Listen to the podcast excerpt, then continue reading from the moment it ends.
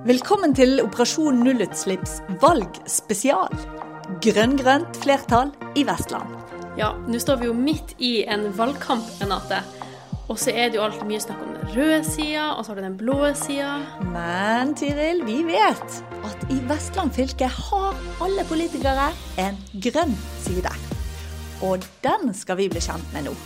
Ja, for i løpet av ni litt korte episoder så får du møte førstekandidatene fra alle de partiene som er i fylkestinget i Vestland. I denne episoden har vi tatt turen til Os og truffet Terje Søviknes, som er førstekandidat til fylkestinget for Frp.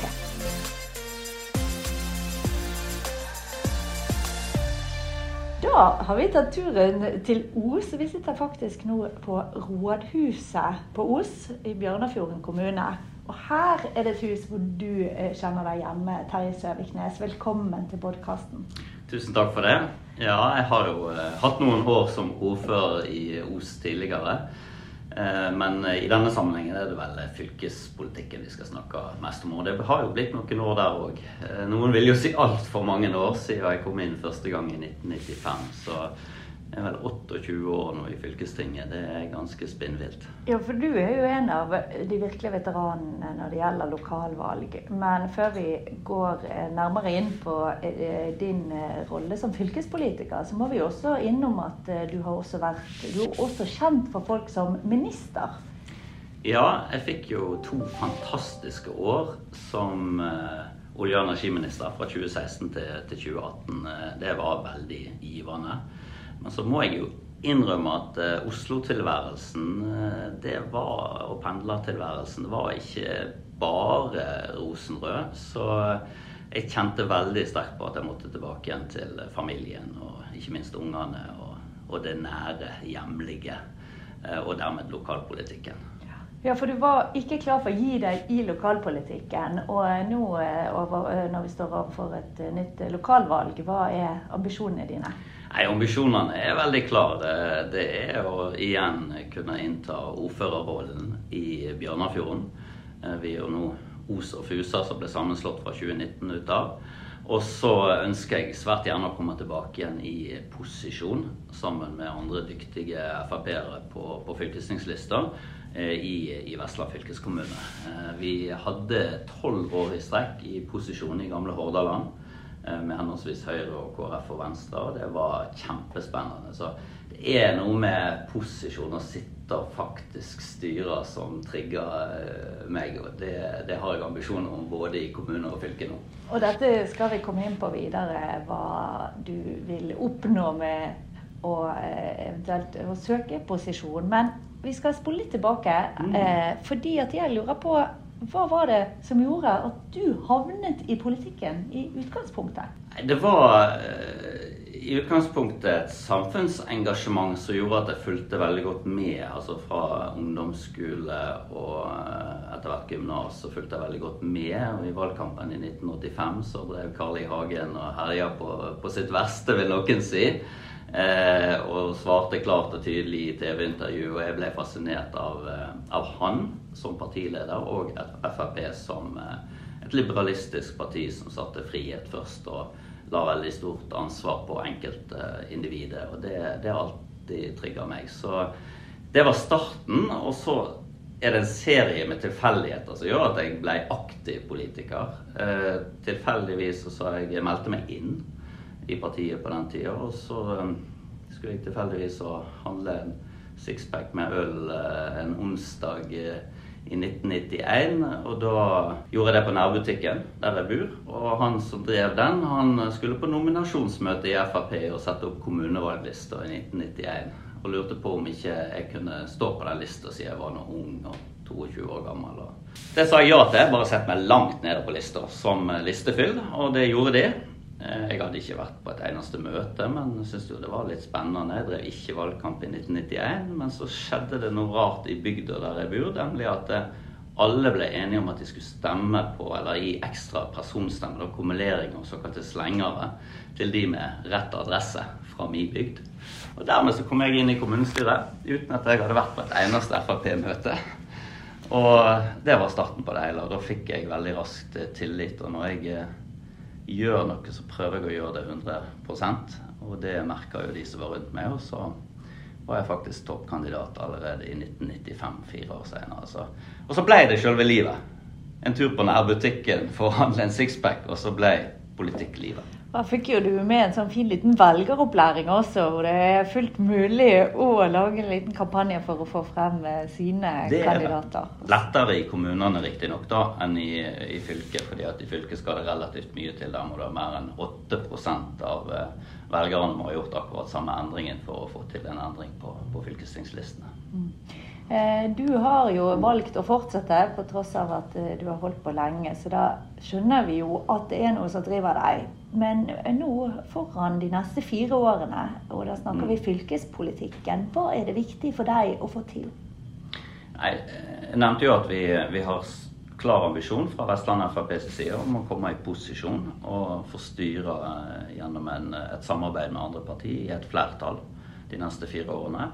Og Da er det jo noen enkeltsaker som alltid er viktig for Fremskrittspartiet. La meg ta skole først. Nå har vi en håpløs inntaksmodell som er veldig komplisert eh, for ungdommen som skal søke seg til videregående utdanning. Vi ønsker å reinnføre fritt skolevalg, sånn at ungdommen ungdommene skal få lov å velge sjøl hva linje de skal gå på, og hvor hen de skal gå i fylket. Det er en viktig sak. Og så er samferdsel alltid på topp hos Frp. Det betyr eh, satsing på fylkesvei og prioritere mer midler dit, både til nye prosjekt, men òg vedlikehold. Og så er det jo kollektiv. Eh, og det handler jo òg litt om, om, klima, så det kommer vi kanskje tilbake til. Det er nettopp det vi gjør, fordi at i denne valgspesialen så er vi jo eh, spesielt interessert i å bli bedre kjent med fylkespolitikernes grønne sider. For uavhengig av partifarge så ser vi at uh, fylkestinget i Vestland der er det et tverrpolitisk engasjement for natur og klima.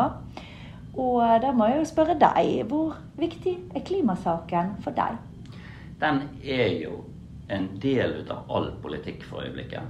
Uh, så er nok Fremskrittspartiet et parti som ikke går liksom på barrikadene og, og sette de, de mest ambisiøse og kanskje etter vårt syn litt urealistiske klimamålene.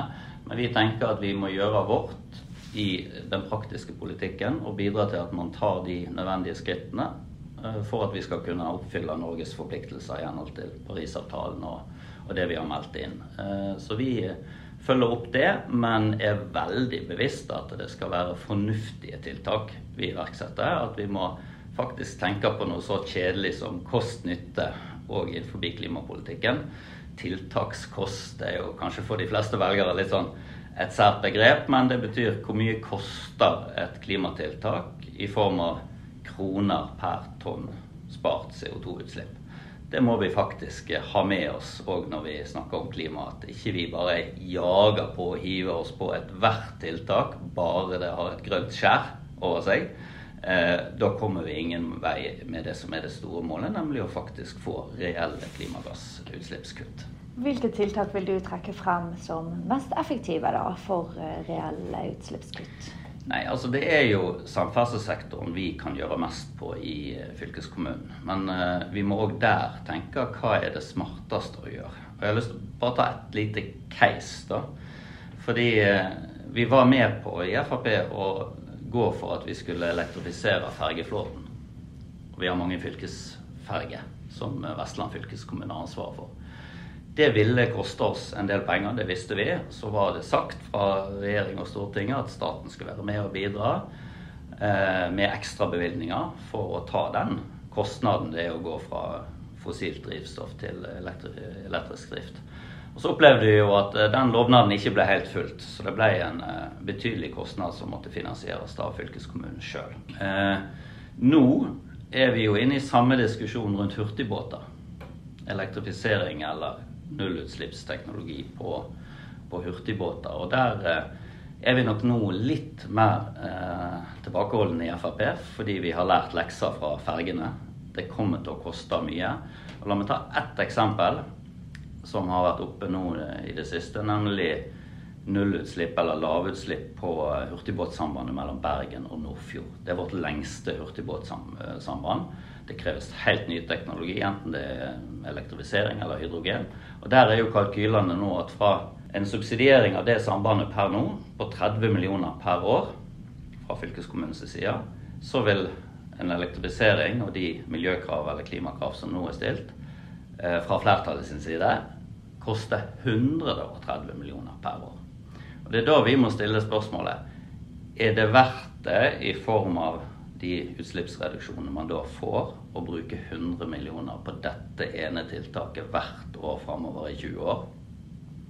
Eller kunne vi brukt de 100 millionene til å øke kollektivtilbudet ellers i fylket og fått akkurat samme klimaeffekten ved at flere benytter bussen fordi det var hyppigere avganger og komfortabel reise og hele den biten der. Så vi er litt sånn kritiske til at man i enhver sammenheng skal kjøre det til det ytterste eh, for å få da klimagassutslippskutt, som på dette, i dette caset hurtigbåtsambandet mellom Bergen og Nordfjord. Jeg vil gå nærmere inn på hva du tenker er mer effektivt når det gjelder samferdsel, for å oppnå det samme? Ja, altså det å eh, kunne ha eh, 100 millioner til å bygge ut, eller øke kapasiteten da, i kollektivtilbudet samla sett. Altså, vi vet jo at du skal ikke langt ut forbi Bergen i dag, så er busstilbudet f.eks.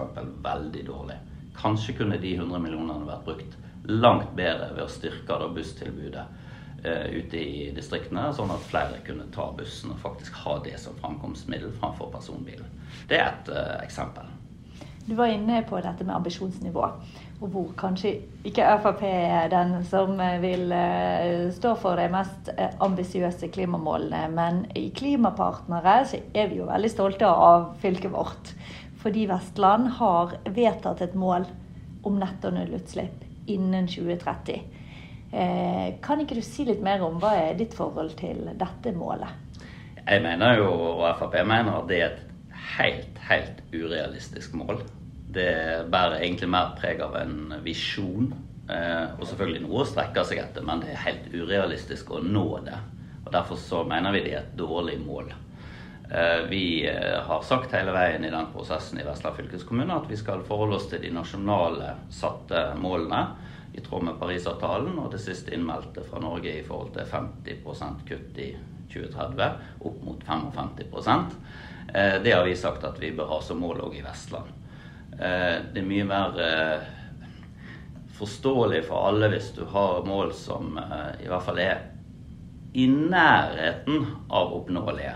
Nå blir det jo diskutert mye i Norge for øyeblikket om, om de målene vi har satt oss nasjonalt om 50 opp mot 55% at det heller ikke er realistisk å klare å gjennomføre. Så at vi da skal bli så Altså, jeg opplever at det har vært litt sånn konkurranse mellom politiske parti, og i dette tilfellet mellom fylkeskommunene, om å ha det mest ambisiøse målet. Da er man så steike god på klimaarbeid. Men det er jo ikke å være best i å sette mål som er det viktige. Det er jo de konkrete handlingene og tiltakene som faktisk bidrar til klimagassutslippskutt som må være avgjørende om du har en god eller dårlig klimapolitikk. Eh, vi kan godt eh, snakke litt mer om akkurat det, fordi at vi er jo inne på det selv. Eh, de, uavhengig av hvor ambisiøs man er, så har Norge forpliktet seg til noen mål i Parisavtalen. Og jeg, jeg vet jo at det, du har vært inne på det, dere er opptatt av at ikke det skal være symbolpolitikk. Mm. Så hvordan skal vi unngå at klima- og miljødebatten blir preget av symbolpolitikk, men at vi faktisk eh, får resultater. Jeg mener jo at eh, kunnskapsnivået eh, rundt hva eh, som virker, og hva som gir reelle store utslippskutt, eh, bør økes betraktelig. Det er så lett for enhver å diskutere kjøttfri mandag eller eh, eller eh, andre symbolske klimatiltak. Men eh, vi må sette det i det store globale perspektivet. Vi har ingen egen atmosfære i Norge. og eh, bare en så, så enkel, altså Dette er litt teknisk, men jeg må bare inn på det fordi likevel. Fordi at når Norge da meldte inn sitt mål som et av de første landene om 50, opp mot 55% kutt, så sa vi at vi skulle gjøre det i samarbeid med EU.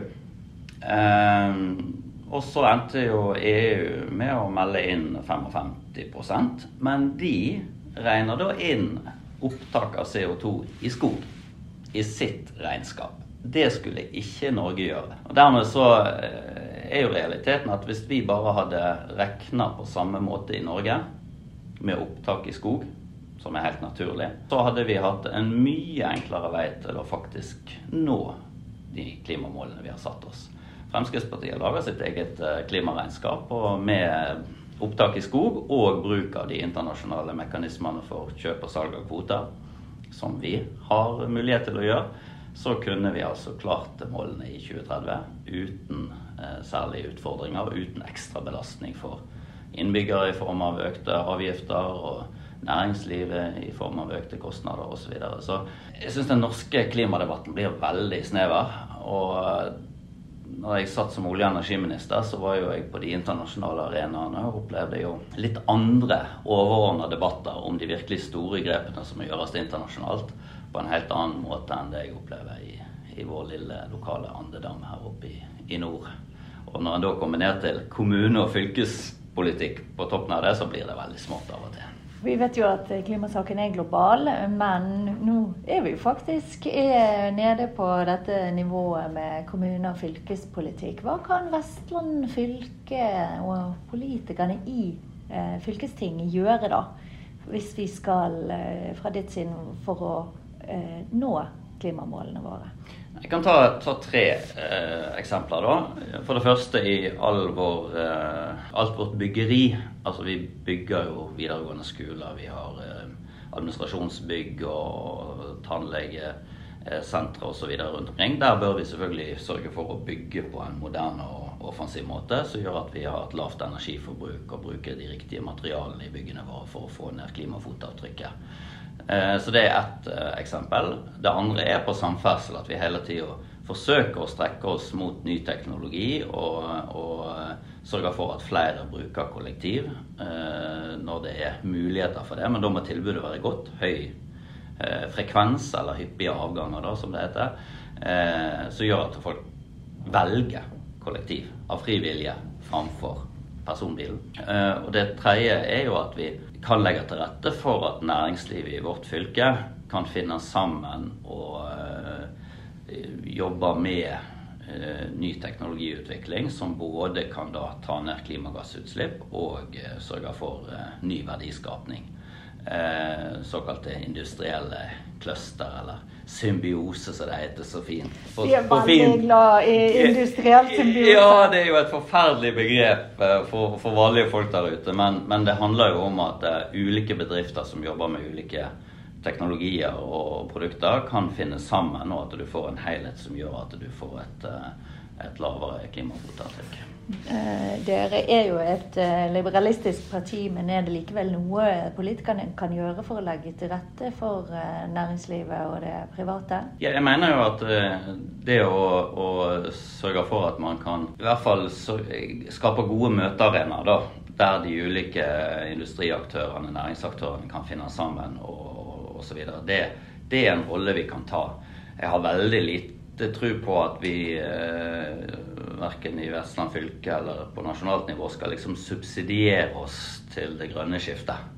Eh, jeg syns jo nå den debatten som går nå rundt eh, energibehovene vi har, der eh, milliardene flagrer rundt havvind f.eks., det er en dårlig vei å gå. Vi er nødt som hadde seg som olje- og energiminister. Og vi får ikke noe grønt skifte i, i Norge og i verden ellers med ei rød bunnlinje. Og med det mener jeg at det må faktisk være lønnsomt for næringslivet, eh, det man skal inn i.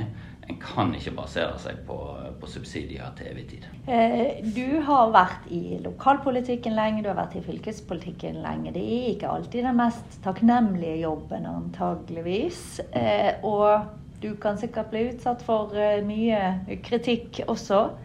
Hva er det som driver deg til å fortsette? Altså, jeg er altså, Helt sånn grunnleggende så går det nok på det å skape. Altså drive samfunnsutvikling, skape noe nytt. Eh, og etter hvert så har jeg satt mer og mer pris på eh, det å få til gode prosesser. Før var jo jeg som ung politiker veldig utålmodig og ville bare kjøre på og opplevde at av og til så hadde jeg kommet til konklusjonen og lå liksom mange hestehoder foran de andre. Jeg hadde kommet til konklusjonen med en gang, og de andre trengte mer tid. Men skal du få til noe, så må du få folk til å samarbeide og få til de der gode prosessene. Gjerne i, i skjæringspunktet mellom det offentlige, eh, privat sektor, næringslivet, og frivillig sektor. Da får du de beste prosjektene. Så det å skape er vel egentlig det som driver meg. Og så skal jeg innrømme at jeg har et konkurranseinstinkt. Og i politikken så får man jo tatt ut det konkurranseinstinktet, da. Eh, jeg ble aldri noen god idrettsutøver, eh, selv om jeg var toppskårer som knøttfotballspiller eh, med to mål et år. Men jeg måtte gi meg med idretten, og, og da har jeg funnet min konkurransearena, og det er i politikken. Og det er utrolig spennende. Det, er, det driver meg, altså. Og nå har du fått på deg valgkampjakken her. Vi sitter på et møterom på Rådhuset i Bjørnafjorden, og du skal ut og drive valgkamp. Vi får si lykke til, Terje Søviknes. Tusen takk for at du var med i podkasten. Tusen takk for invitasjonen. Det var veldig kjekt.